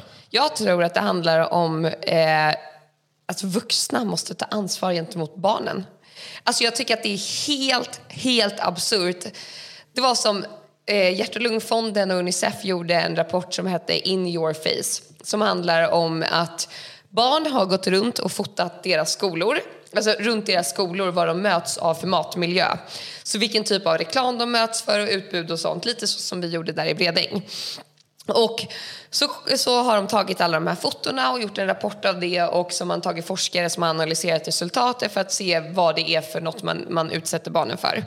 Då när vi ska presentera det här, eh, eller när det är den här dagen när rapporten ska släppas, då är det en panel innan den panelen jag är med i. Och då är det en unge och hon, hon är så här, vi måste skärpa oss. Och Stefan bara, han som är moderator, han bara, men vilka ska skärpa sig? Hon bara, vi barn, vi måste äta bättre. Och det frös i hela min kropp. Jag, Alltså, jag ryser och hör Åh. det också. Och hon, Det är inte barn nej, som ska ta det hon, ansvaret. Då lägger hon ansvaret på sina axlar att hon äter dåligt, att hon blir tjock, att hon blir en jobbig del för samhället. På grund av att de här fucking vuxna har designat hennes verklighet på ett sätt som gör det omöjligt för henne att äta bra och hållbart och hälsosamt. Och då blir jag så här, era jävla vuxna. Alltså ni går till ett jobb, ni får betalt för ert jobb, ni är medmänniskor, så gräv djupt in i er och hitta er hjärna och Ta ditt hjärta. ansvar. Ja, ta ditt ansvar. Så jag tycker att när vi vuxna eh, börjar inse vad vi utsätter våra barn för och fattar hur fucking sjukt det är att vi är där, då hoppas jag att man vaknar upp och förstår det. Men jag tror att man måste sätta på sig andra glasögon än de konventionella glasögonen alla har på sig nu. Ja, men du måste också Ja. tänka på att vuxna sitter också i en matmiljö. De sitter också, alltså vi alla vuxna Ja. är också lever i en parallell värld. När Ja. man tror på tillväxt och man tror på kapitalismen. Men där är också... Eh, man går till ja. jobbet och gör sitt bästa och kommer hem för att man ger sina barn den här fina resan till Thailand eh, som de förtjänar för att man är bra som att Man- vi lever i är- en dålig skräckfilm just nu. Ja, men eh, frågan är så, vilken typ av eh, förfader vill vi vara? Alltså, hur vill vi bli? Men er, man måste erkänna så att, man, att, att jag tror hela tiden att man måste vara öppen för att lära och så erkänna. Jag gjorde de där samarbetena med de här dåliga företagen, men jag lärde mig någonting av det och jag kan prata om det och vara öppen om det.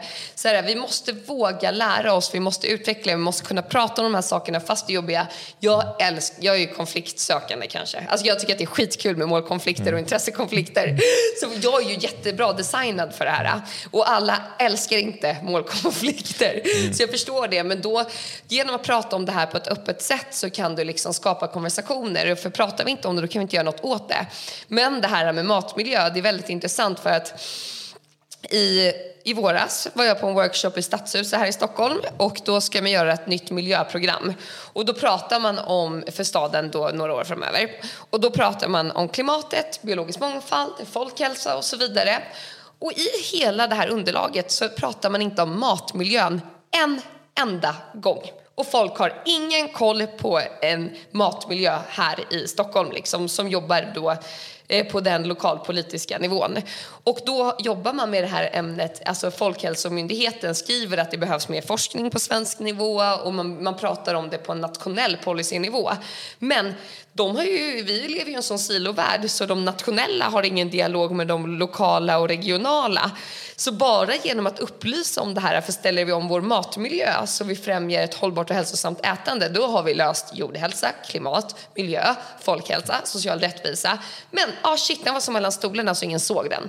Så det är lite frustrerande, men därför måste man jobba eh, vad heter, tvärdisciplinärt och mellan olika yrkesgrupper och sånt. Och det är det vi vill få till. Ja. Ja, det, det, det har man bevittnat. Jag har bevittnat det ofta, att man ser hur de olika myndigheterna jobbar och kvalitetssäkrar sig själva, trygga rygg.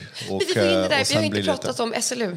Att de, varför de ligger... Ja, alltså igen, det är din podd. Du får prata om precis vad du vill.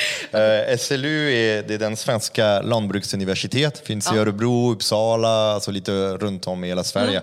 Och då är det, eh, det, det man vet ofta man, man hör om SLU, när det är de där fyra gubbar, forskare som går ut med rapporter och forskning om att ekologisk skulle vara värre än konventionell.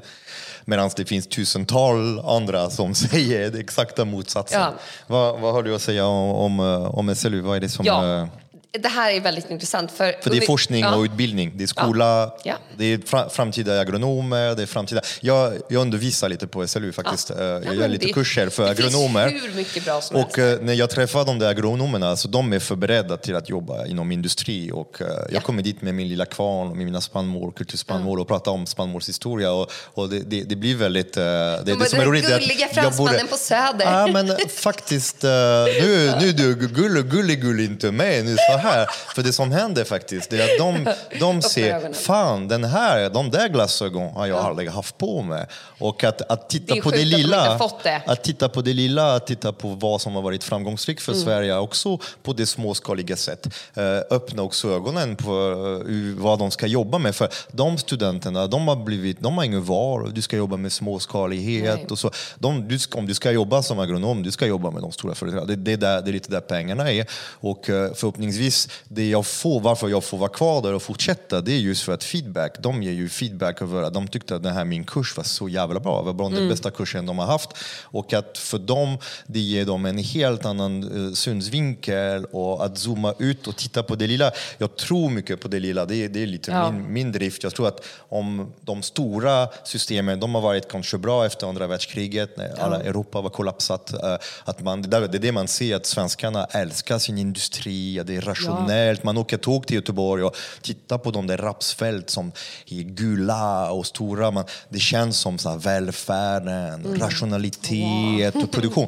Jag, jag ser döda hyttor och pesticider, brist på mångfald, mulalten som går ner, läckage i grundvatten och förhoppningsvis eh, sen det blir ett förädling som kommer skapa pissdåliga livsmedel som gör folk sjuka och tjocka Ja. eh, och olyckliga. Eh, och då, jag tror ändå det är viktigt eh, att eh, SLU finns. Men nu, det det, det är någonting med hur, hur de Ja. styrs och hur eh, privata Ja. medel kommer in och hur forskningsdrifts... Alltså, hur, hur är läget? Vad vet du om SLU? Jag ska säga, jag vet inte mycket, men jag vill veta väldigt mycket mer. eh, nej men, om universitet har du eh, departementen. Du har ju utbildningsdepartementet, näringsdepartementet och olika departement.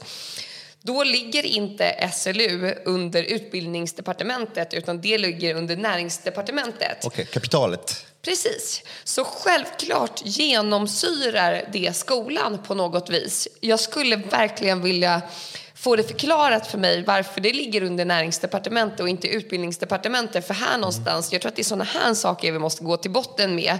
För det, det sätter ju tonen för en hel utbildningsenhet beroende på vart den ligger. Är det någon som vet där ute? Då Får får ni jättegärna jättegärna berätta för mig och Olga, för Ja. vi vill gärna veta. Och, Ja. eh, Så det, det, för allting måste reformeras, vi måste utbilda. Alltså, hur sjukt är det inte att det inte finns fler på skolan som pratar som dig? Alltså, egentligen är det ju du, det du säger som är det borde vara det konventionella. alltså, om man tänker så. Det borde ju vara det normala och det andra det onormala. Ja, men där tycker jag att det finns en väldigt, jag älskar ju att sätta på mig internationella glasögon och kolla på Sverige. Då finns det en jätterolig, rolig kanske inte, det var en det, det finns rolig och rolig. Jag tror att... eh, Okej, intressant. Greenpeace International har gjort en dokumentär om the Swedish Forestry Model. Alltså den handlar om den svenska skogsmodellen som är känd utomlands att vara problematisk. Alltså I Sverige är det väl typ så här 2 eller 3 procent urskog vi har kvar. Alla tror att Sverige är täckt med massa fantastisk skog. det enda vi har är plantage. Nej, det är inte sant. Eller jo, jo det, det, det, det, är lite som att vara på en golfbana och tycker att man är i naturen. Ja, precis. Ja. Ja. Men då, eh, för det i Sverige framhäver vi inte hur katastrofalt läge det är, utan då är det med internationella ögon du kan kolla på Sverige. Folk jämför ju the Swedish Forestry Model med hur man brukar Amazonas och av taktningsfarten vi gör där.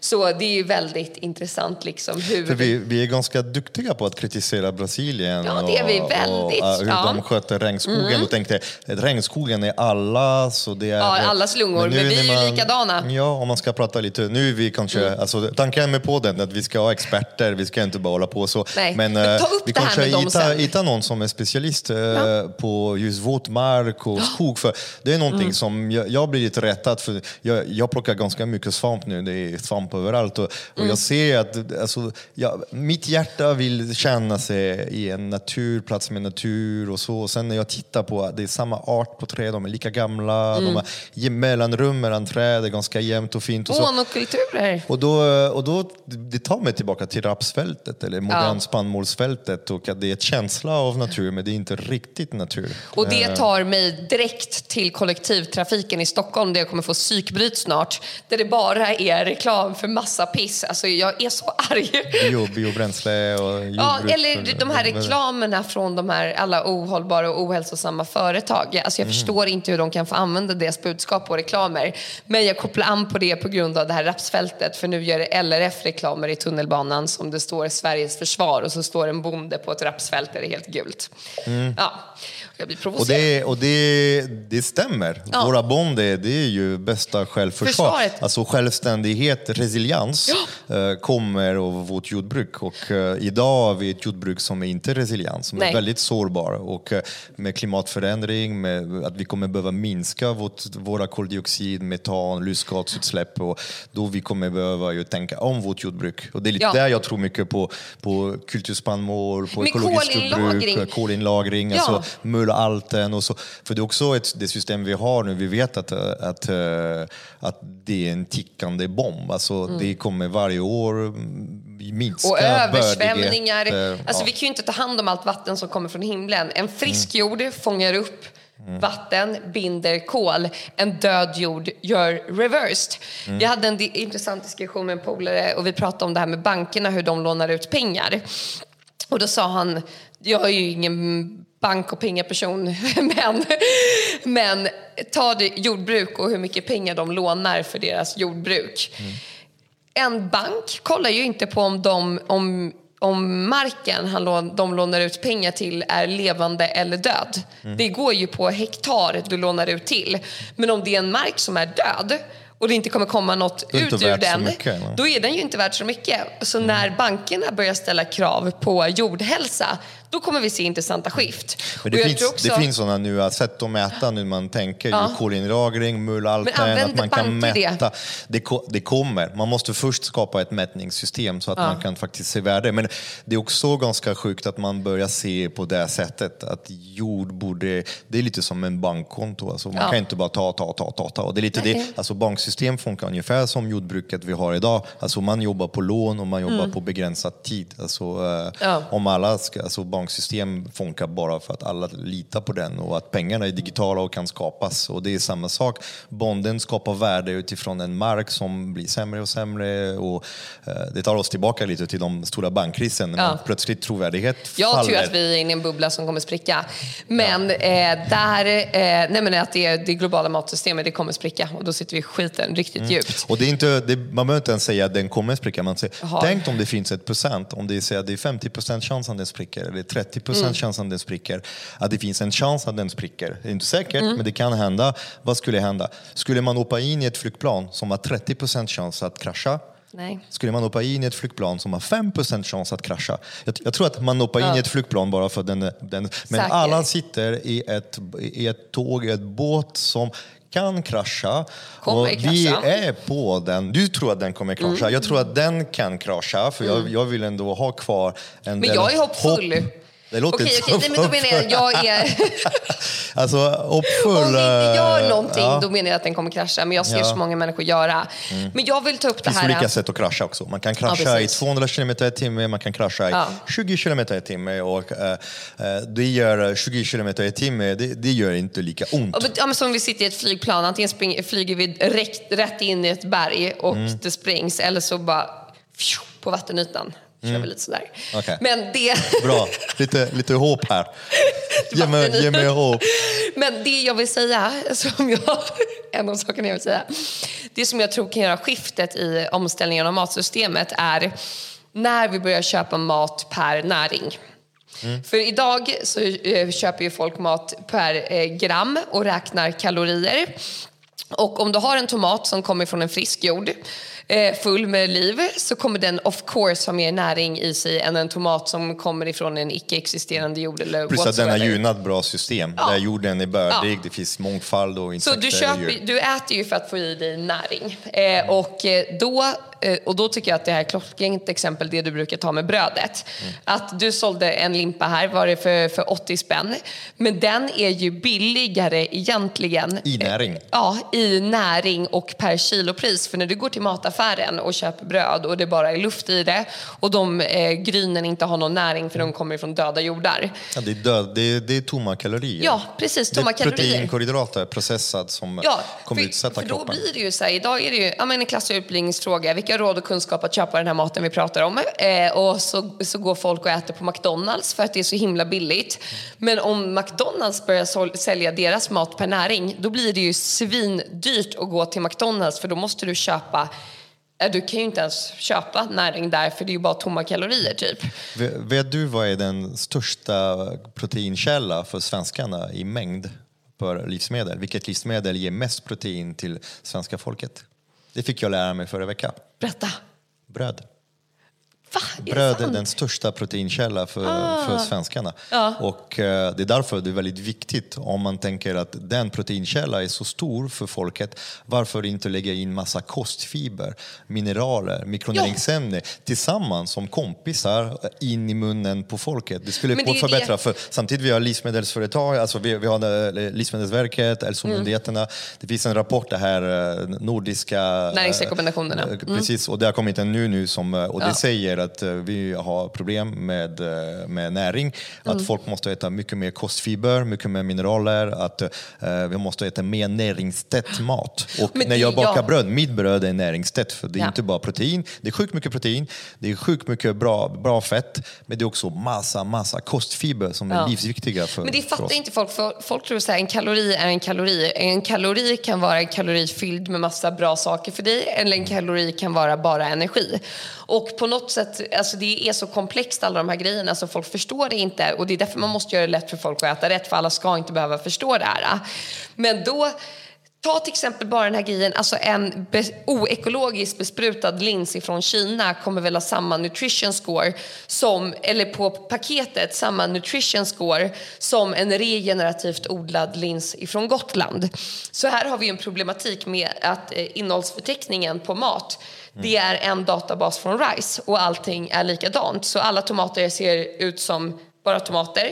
Mm. Tror jag, jag måste dubbelkolla allt det här. Men vad jag har sett so far så är det så och jag tror att det här behöver förändras i grunden för är, alla tomater är, är, inte tomater. Det är en mall, alltså man har en tomat, man går in och får de där ja. näringsvärdena från det. Det är inget som är direkt, och det känns rimligt också att en tomat, men man skulle kunna kanske skilja en tomat som är växt på, på växtnäring, på, re, på lerakullor, ja. i ett växthus med konstbelysning ju... och en tomat som är också, för det är också inte samma raser, alltså Nej. de raserna som odlas i Åland, som odlar i växthus. Nu jag ser många eh, svenska livsmedelsbutiker som börjar producera sina egna tomater och som mm. kopplar, de vill vara lite mer hållbara istället för att importera, börja odla tomat med sina komposterade jordar från Hur deras matsvin. Hur är det sån här vertikal odling när du odlar sallad på väggar? De växer inte i jord. Vet du hur det är med näringen i dem? Ja, alltså, det är lite som om du skulle sitta och dricka Red Bull i tre, fyra dagar. Alltså, ja. Du får i dig energi, du kan fungera, du kommer se ut bra. Men det, det är lite som, eh, ja, lite, lite, lite som med djur. Så du ska skapa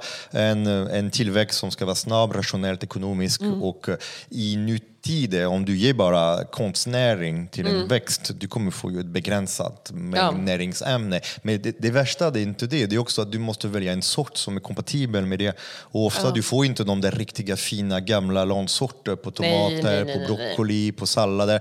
Du hittar de sorter, det är lite som kyckling. Alltså om du ska köpa en vanlig kronfågel, kyckling, där är ett avel ja. som har blivit designat för att passa in i ett system där djur kan bli bara 35 Vi kommer att prata mer om köttindustrin köttindustri i en annan Ja, avsnitt. Och då kommer vi ha ett expert för det är någonting som jag är väldigt intresserad Ja, över.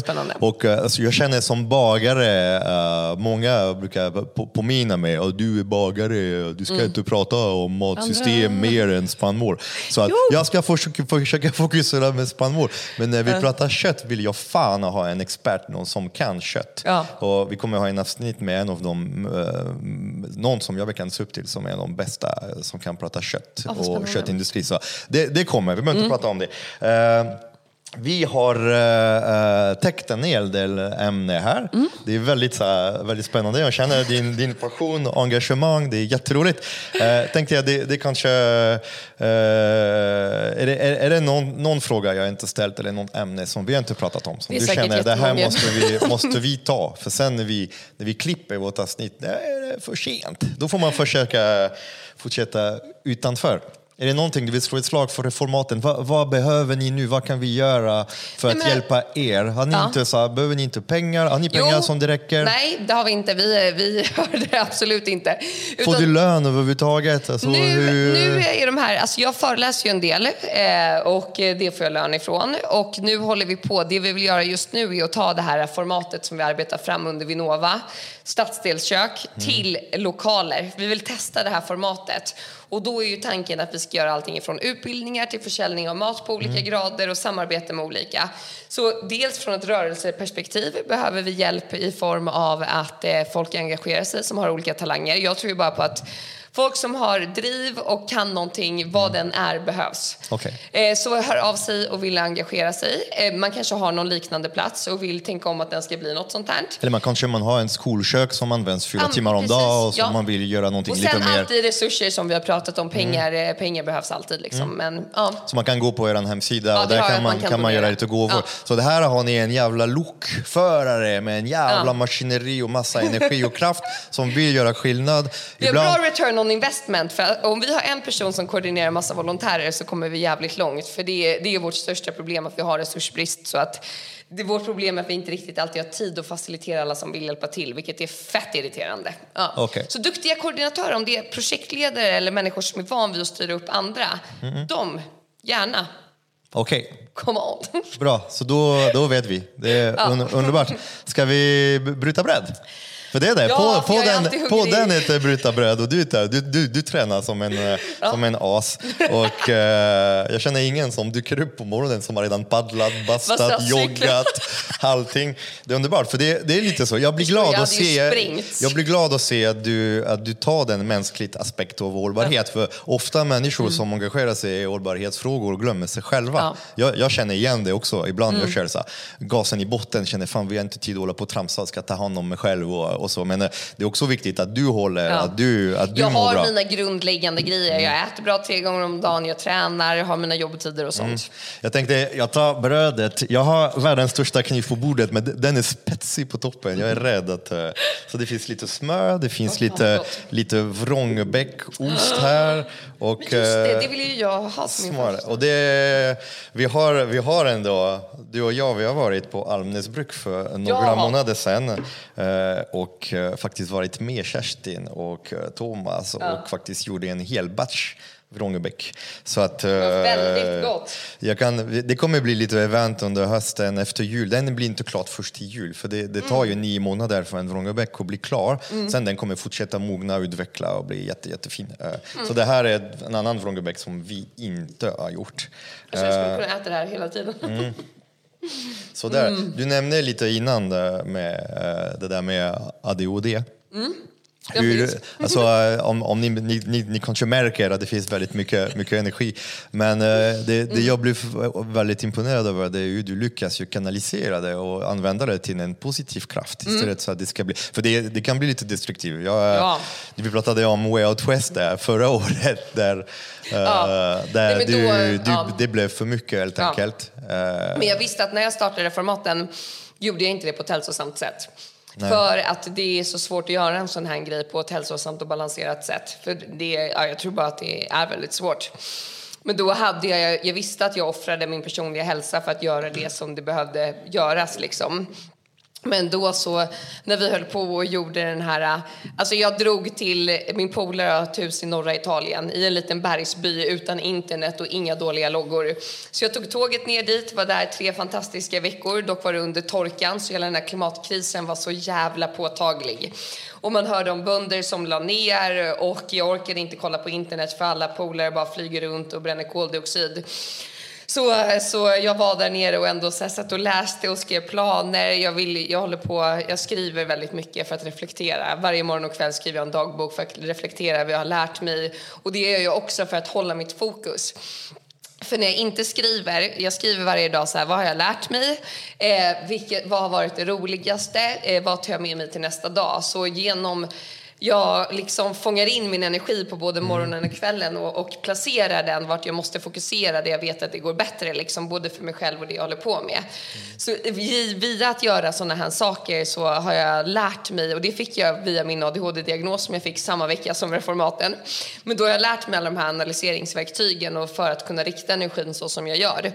Men då var det efter att jag hade varit på den här eh, går, eh, stället i norra Italien så tog jag tåget direkt upp till Way Out West. Och det måste jag säga, det var lite som att komma till en kommersiell rövhåla.